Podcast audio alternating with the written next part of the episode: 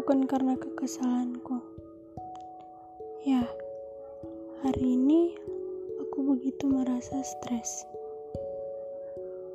Entah itu karena tugas yang menumpuk, entahlah, atau karena banyak hal yang belum ku selesaikan di dalam hidupku. Banyak yang tidak aku mengerti. Aku ingin cerita banyak, tapi aku tidak punya waktu.